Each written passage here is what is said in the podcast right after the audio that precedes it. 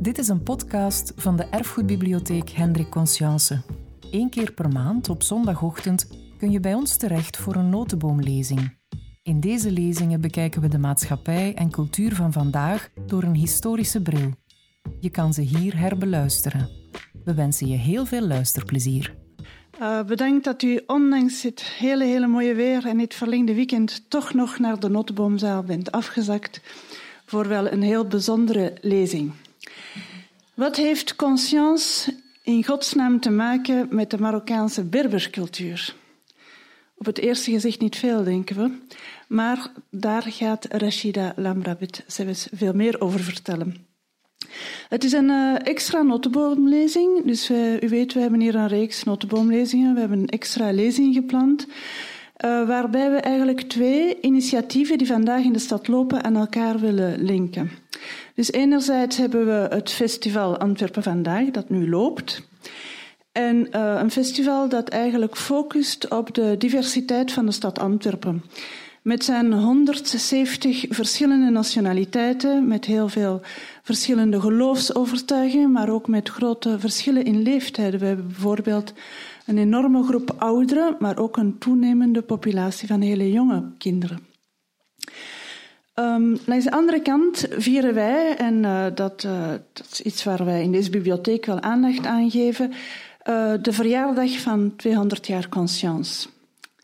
En tot vandaag, dat is de laatste dag, loopt er hier een tentoonstelling, Helden mijner jeugd, waarin we hebben gefocust op de helden in de boeken van Conscience.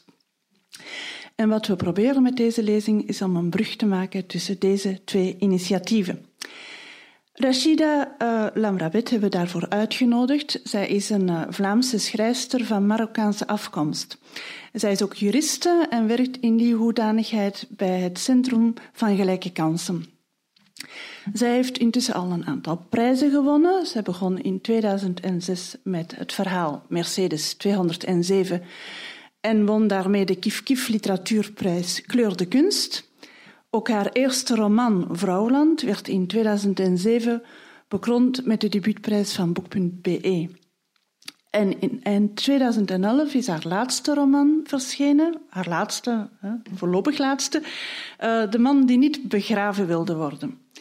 Rashida Lamrawet uh, weet goed waarover ze schrijft. Haar personages zoeken hun plaats in de Vlaamse multiculturele samenleving.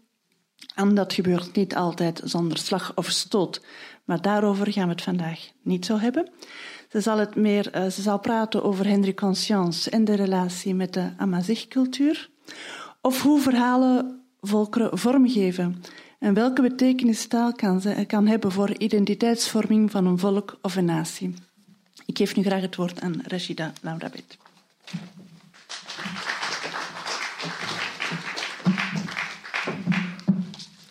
Dank u wel um, en goedemorgen iedereen. Het is uh, mijn eer om uh, hier voor u te staan vandaag um, en ik ga proberen om u uh, mijn visie uiteen te zetten over hoe ik ehm, de erfenis van conscience zie in verband met wat ook heel erg dicht bij mij staat, namelijk die hele Amazigh-cultuur. Antwerpen eert haar helden en uh, dit jaar vieren we dus 200 jaar conscience.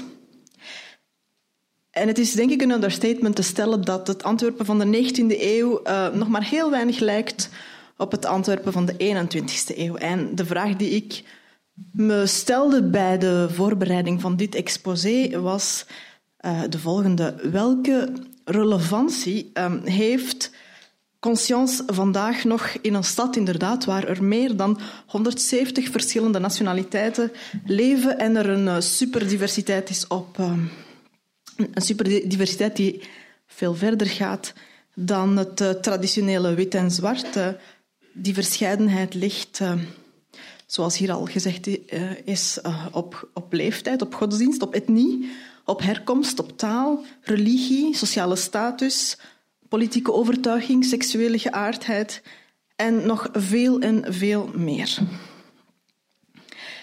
En ik vroeg me af um, wat conscience nog gemeen heeft met, met onze veranderende gemeenschap. Ik vroeg me af of Conscience bijvoorbeeld sympathie zou hebben gehad voor Abu Jaja, die u ongetwijfeld uh, kent, en die een paar jaar geleden opriep om, uh, en bij wijze van provocatie, dat uh, mogen duidelijk zijn, om het Arabisch als officiële taal te erkennen in dit land. En ik vroeg me af of Conscience het een goede ontwikkeling voelt dat ons onderwijs heel erg aan het verengelsen is. Ik vroeg me af of er een lijn, een verbinding mogelijk um, was tussen Conscience en pakweg een, uh, een jonge Antwerpenaar met Marokkaanse roots die hier een paar wijken verder woont, die met zijn maten een Antwerps slang spreekt, waarbij ze de lidwoorden volgens hun eigen grammaticale regels gebruiken. Ik vroeg me af of hij geïnteresseerd zou zijn wanneer hij ook wist dat die jonge Marokkaanse of Antwerpse of Antwerpenaar met Marokkaanse roots, wanneer hij wist dat, hij, dat die jongen dus ook via zijn smartphone de revoluties en de ontwikkelingen in de Arabische wereld op de voet volgde.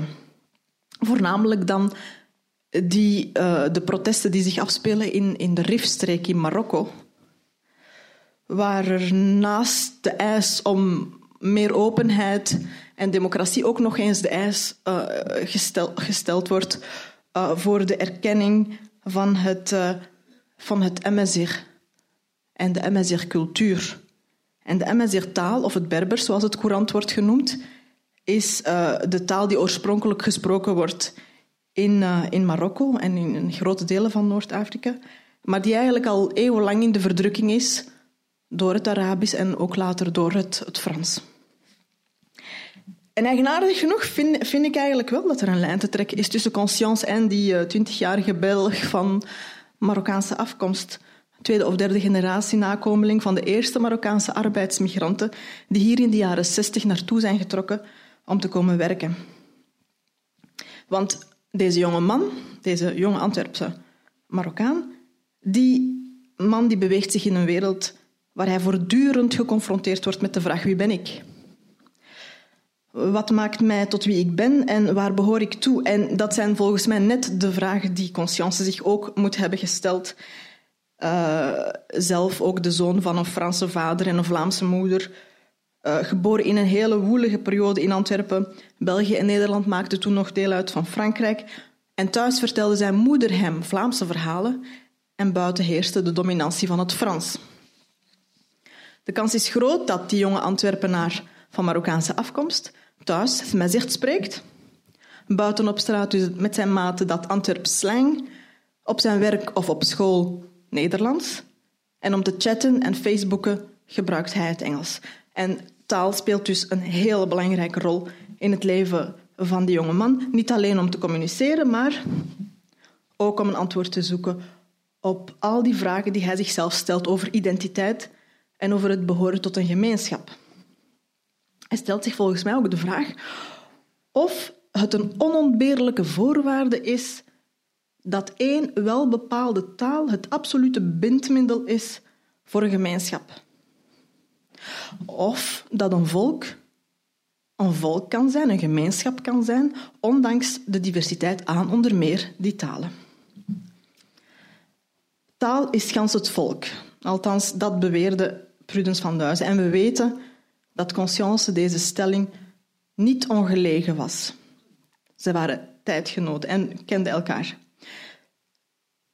Mijn vraag is, is of deze romantische liaison tussen taal en volk nog houdbaar is vandaag.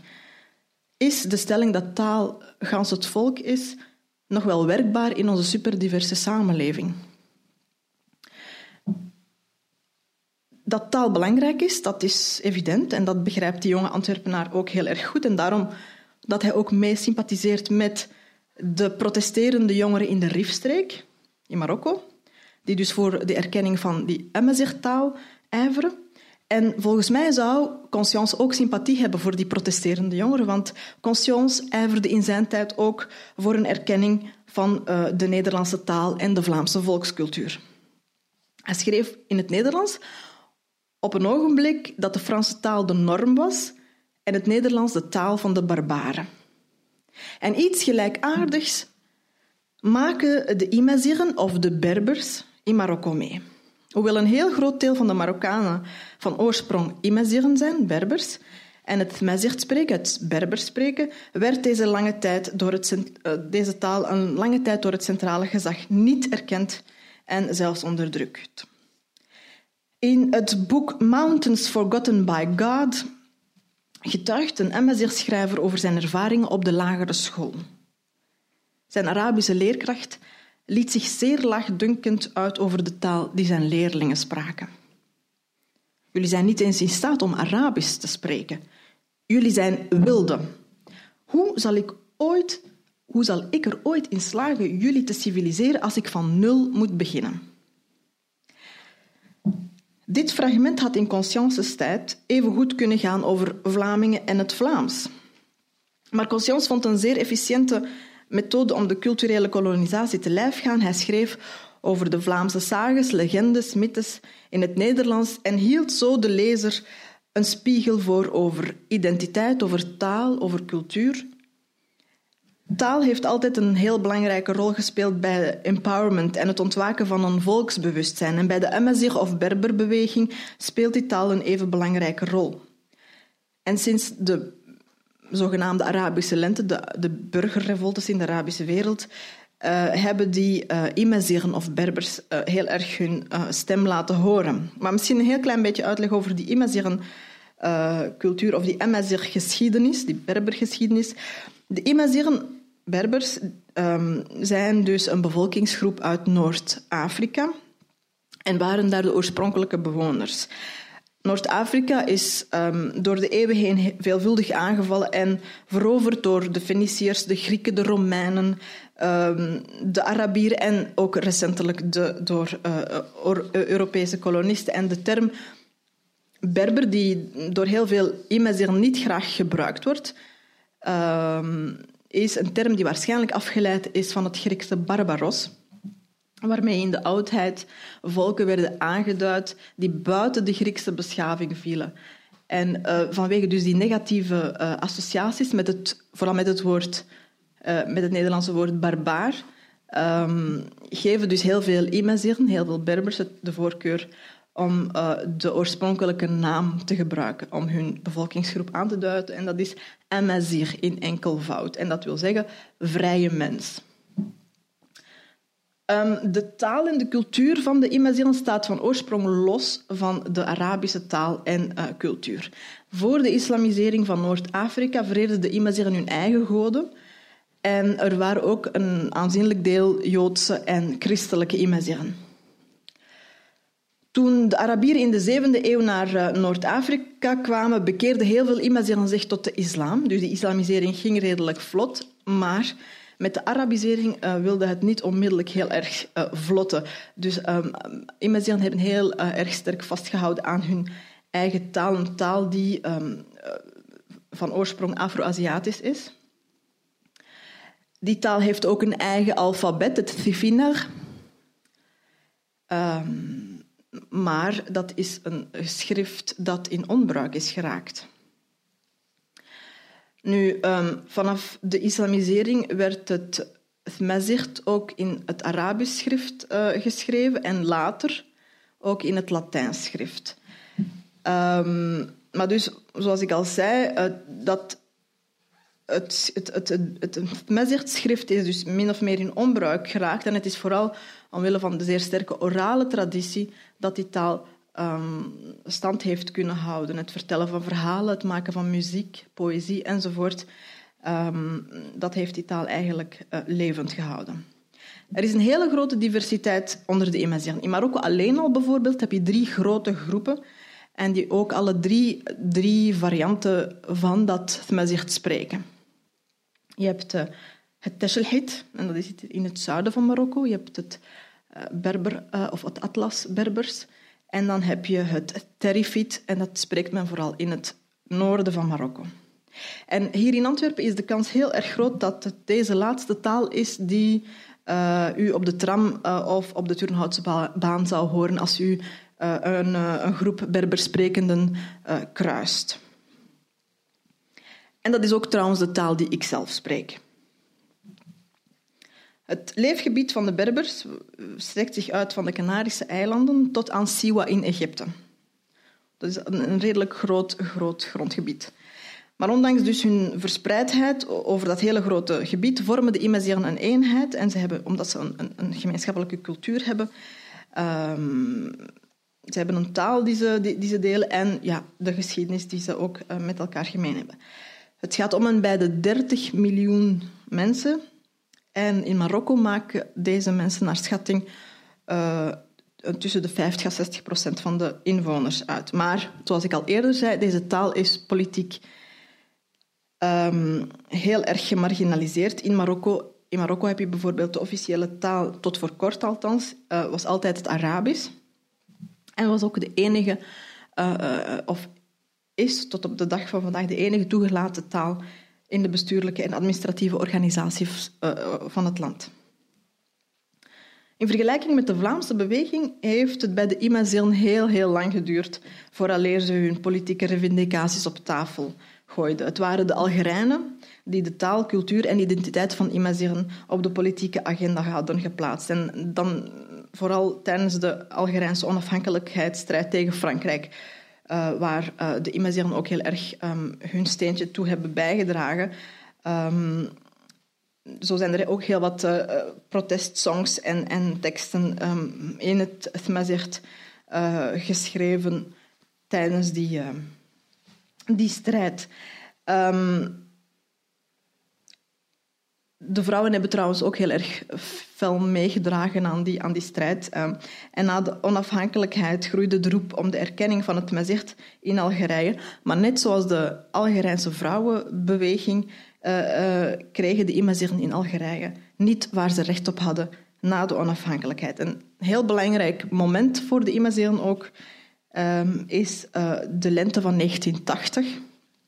Um, daar werd in um, Kabylie, in Algerije is dat, een lezing van een hele gekende Algerijnse schrijver, Mouloud Mameri, verboden. En naar aanleiding van dat verbod um, braken er onlusten uit, zowel in Algerije als in Marokko.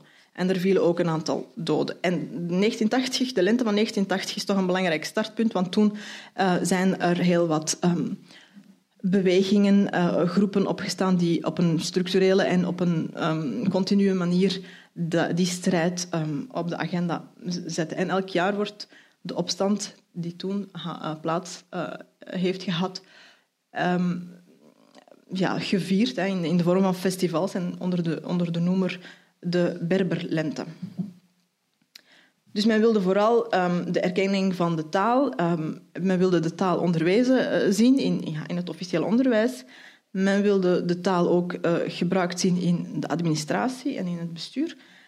Uh, dat zijn allemaal eisen die op tafel werden gelegd. En daar is eigenlijk nooit niet echt serieus werk van gemaakt vanuit het centrale gezag. Nu, onder, onder impuls van, van de Arabische lente nu, zie je bijvoorbeeld wel dat in Marokko afgelopen zomer de grondwet herzien werd.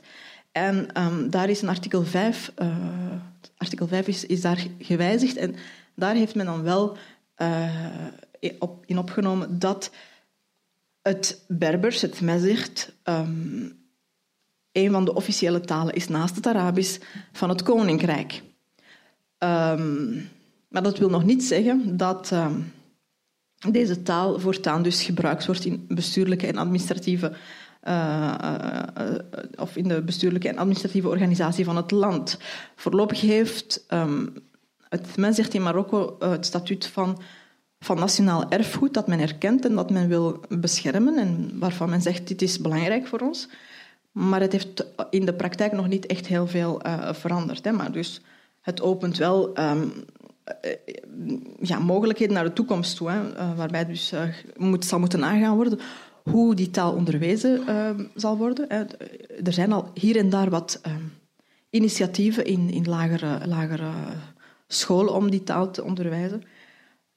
en, en men moet dan natuurlijk gaan nagaan of die taal inderdaad ook in het bestuurlijke een rol kan, kan spelen.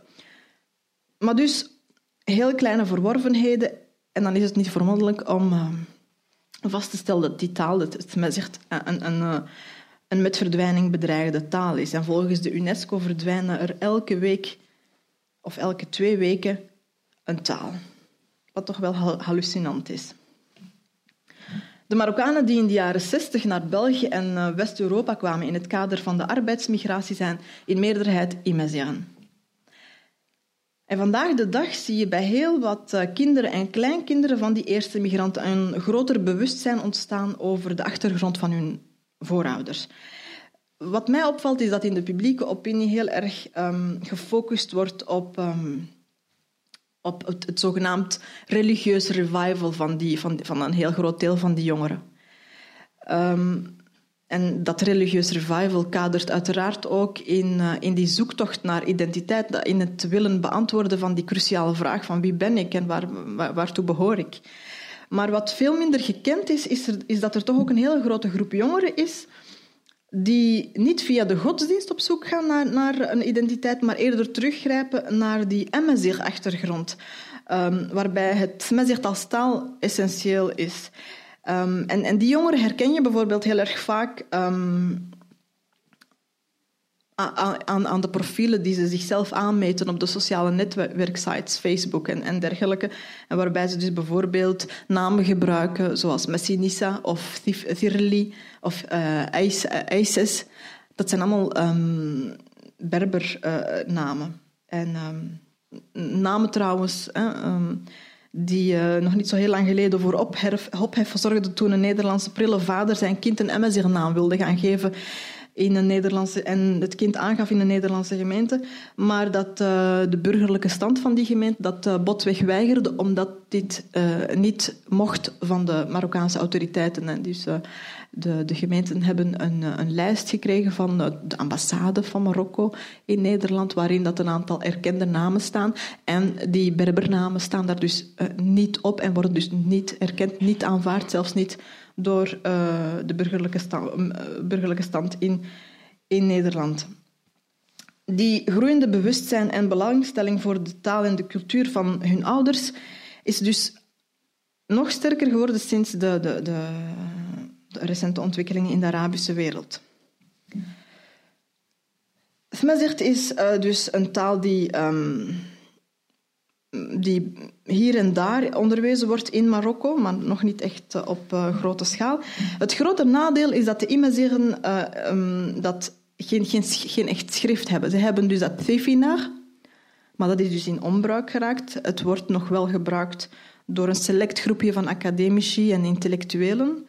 Maar voor de rest um, is dat een schrift dat niet gekend is. En dat probleem had Conscience dan, dan weer niet. Hè? Hij kon in het uh, Nederlands schrijven omdat het uh, technisch mogelijk was. Hè. Er, is, er, is, dus dat uh, alfabet, die taal is er, en hij, kan, hij kon daarin schrijven. Wat niet wil zeggen dat het een evidente keuze was geweest van conscience om in die taal te schrijven. Hè. Ik bedoel, um, toen in het Nederlands schrijven was heel duidelijk een ideologische keuze. Het zegt dus, als ze wil geschreven worden, zou moeten gebruik maken van, ja, moet, moeten gebruik maken van, een, uh, van ofwel het Arabisch alfabet ofwel het Latijns schrift. En dan schrijf je dat fonetisch uh, neer. Maar wat, uh, wat je wel ziet, wat nog vaker gebeurt, is dat um, schrijvers, of schrijvers die zichzelf zo noemen, schrijven ofwel in het Arabisch, de taal, ofwel in het Frans. En um, deze oplossing lijkt nogal ongelukkig en zijn misschien een beetje schizofreen, omdat het uh, net die twee talen zijn die het zegt, um, al die eeuwen heen of al die eeuwen lang uh, onderdrukt hebben. Maar vaak is de, is de keuze die MSR-schrijvers hebben niet echt een keuze en eerder een overweging ingegeven door, uh, door, praktische, door praktische redenen. Want uh, heel veel MSR-schrijvers vinden, vinden het gemakkelijker om in een dominante taal te schrijven. En um, het schrijven in het, uh, in het Frans bijvoorbeeld, of in het Arabisch, um, is, wordt voor heel veel schrijvers ook als een, een, een drama omschreven. Hè. Um, je hebt Albert Memmi, ook een MSR-schrijver, die, ehm, die het gewoon een taalkundig drama uh, noemt van de gekoloniseerden, om te schrijven in het, in het Frans. En um, er, er zijn dus tal van, van redenen om, waar, waarom die MSR-schrijvers dus toch, toch in, in de taal van de kolonisator schrijven. Um, ook heel vaak wordt aangehaald van ja, we willen een bepaald publiek bereiken. En dat kunnen we niet als we inderdaad in, ons, in, ons, in onze eigen taal schrijven over thema's die, die, die, wij, die ons aanbelangen. En dan is het handiger om inderdaad ofwel in het Arabisch ofwel in het Frans uh, te schrijven, wat toch wereldtalen zijn en een veel groter bereik hebben. Um, maar feit is toch dat deze schrijvers een complexe, haast getormenteerde relatie hebben met de taal die ze gebruiken. De Marokkaanse schrijver Abdelkabir Khatibi um, schrijft of omschrijft deze dubbelzinnige verhouding tot de taal heel mooi als volgt. Om het wilderige heiligdom van een taal te bezoedelen, moet je er een deel van jezelf in achterlaten. Dit boek als een gedenkwaardige, getatoeëerde offergave. Daarom heb ik me hier overgeleverd aan de Franse taal, een taal waarvan ik houd als van een schone en onheilbrengende vreemdelingen. Maar ondanks dit zijn er toch eh, schrijvers, MSR-schrijvers, die um, in hun werk heel, heel nadrukkelijk die MSR-identiteit um, leggen. Ik denk bijvoorbeeld aan de auteur Mohammed Khaireddin, die in zijn boek heel gretig de legendes en verhalen uit zijn streek in Zuid-Marokko verweefde. En um, hij hekelde in het Frans um, de, de, de wandaden van het Frans protectoraat.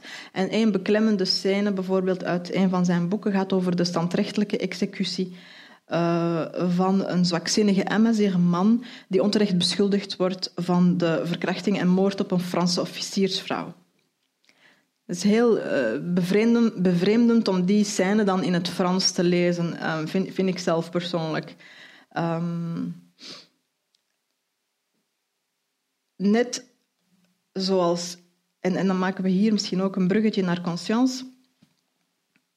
Net zoals conscience um, zijn deze schrijvers op zoek naar, naar die MSR-identiteit. En om dat te doen voeren ze helden op. Net zoals Conscience gedaan heeft. En het thema van de erfgoeddag vandaag en, en de tentoonstelling hier um, is uh, net uh, helden. En um, misschien is het ook interessant om daar even bij stil te staan. Om, zeker omdat ik meen dat uh, die helden soms een hele dubieuze rol spelen in de creatie van de zogenaamde authentieke volksaard. De MSR-helden, zoals ze in de literatuur worden beschreven, zijn over het algemeen onbevreesd en trots, net zoals Augen Shish, een van de personages van Khaireddin. Of uh, nobel en heroïs, zoals Jugurtha, de Numidische vorst, die zich tegen de Romeinse overheersing verzette en die ook uh, beschreven werd door uh, de Berberschrijver Jean Amrouche in L'Éternel Jugurtha uit 46. De MSR is uh, oprecht, zoals het hoofdpersonage uit het boek van Tahar Jaoud, De Bottenzoeker. En dat is blijkbaar een heel beproefd procedé, want ook Conscience voerde dus die helden op in zijn werk. Wie kent er niet? Jan Breidel en Pieter de Koning, deze dappere bruggelingen, waren de helden van het verzet tegen de Franse strijd die beslecht werd tijdens de Gulden Sporenslag. Deze helden belichaamden al het goede dat een echte Vlaming was. Het is duidelijk uh, dat Conscience veel meer ambitie had dan louter een geromantiseerde versie van de geschiedenis te vertellen. Hij wilde zijn eigen, in zijn eigen tijd het Vlaamse volk, volk, zijn natie, een zeker zelfvertrouwen geven. En de Leeuw van Vlaanderen werd veel meer dan een historische roman. Het werd het nationale epos van, van Vlaanderen. En niet, niet voor niets eindigt het boek met een aanmaning aan de Vlaamse lezer. Gij Vlaming die dit boek gelezen hebt, overweeg bij de roemrijke daden welke het bevat wat Vlaanderen eertijds was, wat het nu is en nog meer wat het worden zal, indien gij de, de heilige voorbeelden uw vaderen vergeet. En duidelijk is dat Conscience hier het bewustzijn wilde aanwakkeren bij een aanzienlijk deel van de burgers van de natie, dat zij zich bewust waren van het feit dat ze Vlamingen waren, die zich onderscheiden door hun taal en door hun cultuur. En daarbij was dus die, die figuur van de volksheld onontbeerlijk. Hij kon ons iets meer vertellen over die authentieke volksaard, wie wij als Vlaming echt zijn dan. En toch meen ik dat daar toch, dat dat niet, uh, dat het concept van die authentieke volksaard, dat dat niet helemaal onschuldig is, nog ongevaarlijk. Ja, uiteraard had Conscience um, had hetgeen Conscience schreef um, belang gezien de politieke en ideologische situatie van die periode. En uiteraard is het volledig te begrijpen dat MSL-schrijvers hun helden beschreven net met het doel om de Imazeren terug een gevoel van eigenwaarde en trots te geven, maar deze ingebeelde volksaard kan ook een eigen leven beginnen leiden en misbruikt worden. Vandaag de dag bevindt de discussie over identiteit zich in het hart van ons maatschappelijk debat en politici schermen met de begrippen, met die begrippen zoals hardwerkende Vlaming, de ware Vlaamse aard, de Vlaamse normen en waarden. Um, een voorbeeld uit het de, recente actualiteit um, is, is die, uh, die promocampagne die uh, bestemd is voor Marokkanen die van plan zijn om naar België te, migreren. En in die, um, in die promocampagne wordt gestipuleerd wat, uh, hoe Vlamingen onder meer zijn. En Vlamingen zouden stipt zijn, uh, zouden niet op straat leven, zouden een absolute stilte willen na tien uur s'avonds en Belangrijk, ze zouden hun vrouw en kinderen ook niet slaan. Als we die redenering doortrekken, dan uh, moeten we toch. Um, dan zouden we eigenlijk tot de conclusie moeten komen dat diegenen die geen Vlaming zijn, en dat zijn diegenen voor wie de campagne bestemd is, wel, die um, zijn niet stipt, die leven op straat, die zetten het kot op stelte na tien uur. En het ergste van alles, ze deinzen er niet voor terug om hun vrouw en kinderen op tijd en stond eens eh, goed af te ranselen. Wel, dit discours is inziens een uitsluitingsdiscours dat vooral dient om een vermeend verschil te markeren en een nationalistisch identiteitsconcept te promoten. En het, het klopt, hè, literatuur kan een zekere vorm van collectieve identiteit tot stand brengen. En dat kan ze doen door ofwel de ander uit te sluiten ofwel de ander in te sluiten.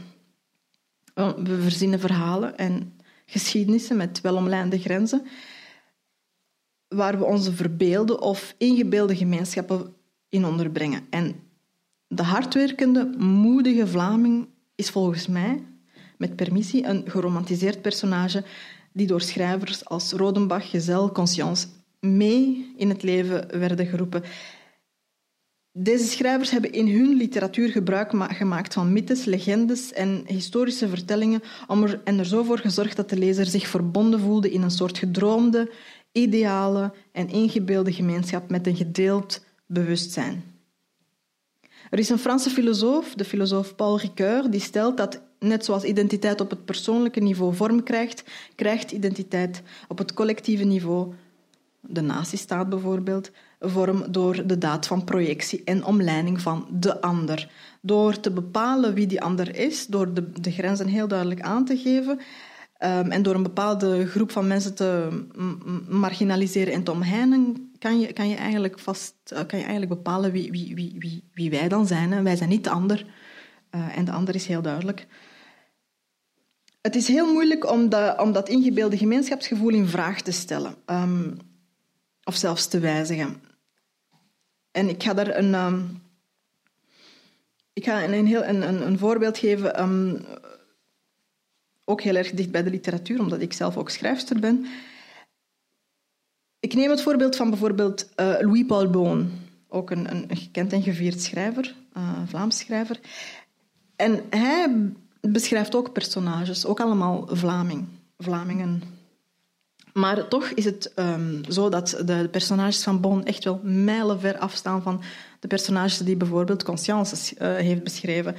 Um, het voorbeeld dat ik hier wil aanhalen eh, is de roman Abel Golaerts van Bon. Um, toen, toen die roman verscheen, werd, uh, werd Bon genadeloos afgekraakt door de critici, omdat die hem verweten de Vlaamse volksaard te hebben verlogend door van zijn hoofdpersonage een fatalistische man te maken die maar niet uit het moeras van zijn eigen onheil geraakte.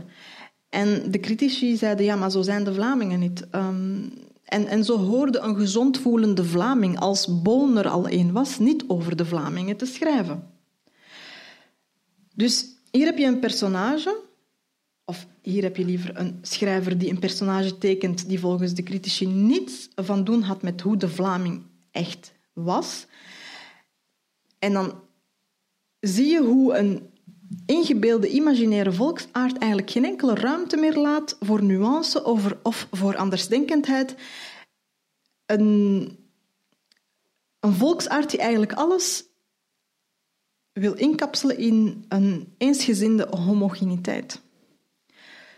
Maar Vlaanderen is geen homogene regio, zoals ik al helemaal aan het begin van mijn exposé zei. Leven er in Antwerpen alleen al meer dan 170 nationaliteiten naast elkaar.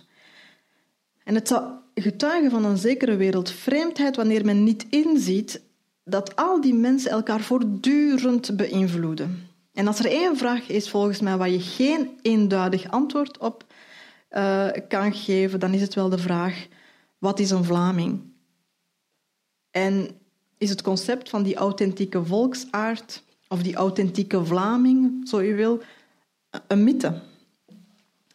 Conscience heeft heel goed de kracht van de taal begrepen, want hij slaagde er toch in om door middel van de taal, volgens mij, dat volk ook mee vorm te geven. En misschien is het ook interessant om, om een citaat aan te halen van Boukje Prins.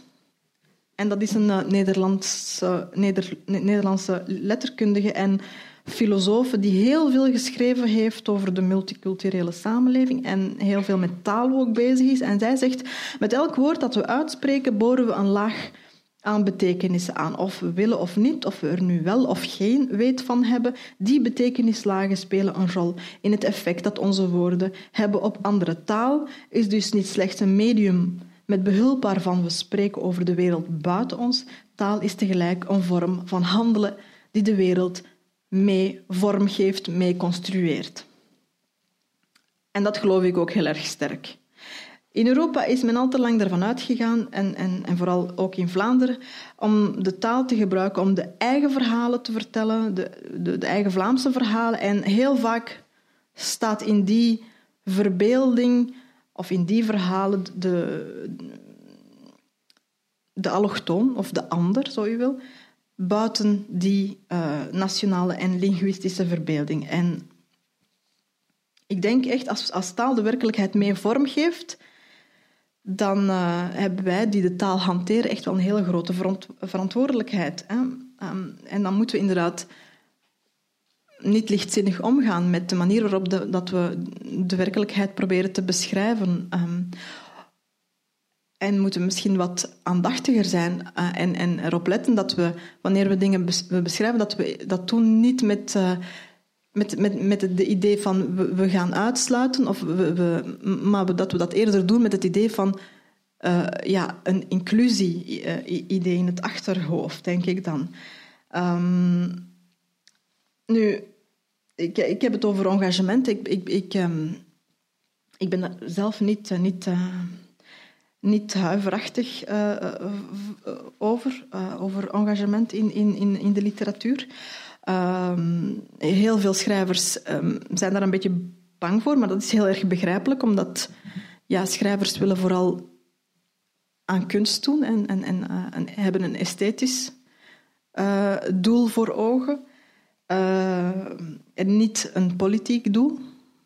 En, en, dat is heel erg begrijpelijk, want uh, als je een politiek doel voor ogen hebt als schrijver, dan ben je eigenlijk eerder pamfletten aan het schrijven dan literatuur. En dat is een hele moeilijke oefening die ik um, ook heel erg vaak, vaak moet doen, omdat um, je moet um, een, een soort, uh, zoals, zoals Jacques Rancière zegt, dat is een Frans-Algerijnse filosoof die ook heel erg zinnige dingen heeft gezegd over engagement in de literatuur. Ehm, volgens hem moet je inderdaad erop toezien dat, dat die twee elkaar niet overrulen. Dat je niet de een laat overheersen in, in, in je werk, maar dat er een soort evenwicht kan ontstaan. Dus je zal als kunstenaar uh, die met zijn beide benen in de werkelijkheid staat, toch voortdurend een soort onderhandeling moeten, moeten voeren tussen enerzijds ja, dat uh, verheven esthetisch ideaal dat je als kunstenaar nastreeft en anderzijds die politieke realiteit waarin dat je je toch bevindt. En, en die onderhandeling tussen die beide is, is een evenwichtsoefening.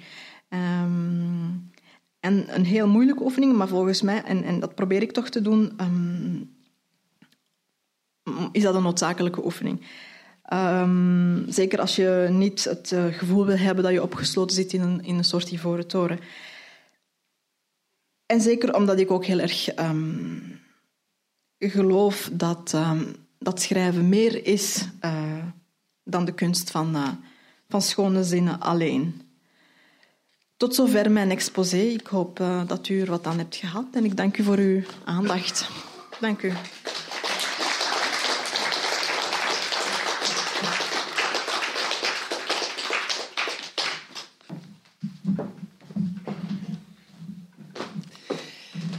zou ik uh, Rashida Lamravit heel hartelijk willen bedanken voor haar uh, toch originele en frisse kijk Oh, de betekenis van conscience in een zo diverse stad als Antwerpen. Er zijn een paar dingen die ik toch eventjes uh, als herinnering of als um, herhaling wil situeren. wat ik heel interessant vond, is, of ja, fascinerend, is de schizofrene situatie van een muziekschrijver die zich moet bedienen van de taal, van de dominant, dominante taal om zijn eigen identiteit te kunnen verdedigen. Um, hoe de held als beproefd uh, procedé wordt ingezet om de volksaard te ondersteunen en vorm te geven. En tot welke risico's dat toch ook wel kan leiden.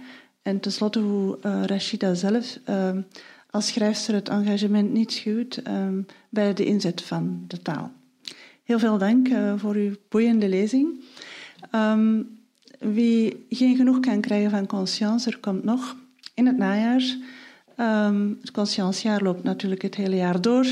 En we organiseren eind september uh, samen met het Davidsfonds, Universiteit Vrije Tijd, hier in de Notboomzaal, een korte cursus van uh, vier dagdelen op zaterdag over conscience en de Vlaamse beweging. En die cursus wordt gegeven door professor Bruno de Wever.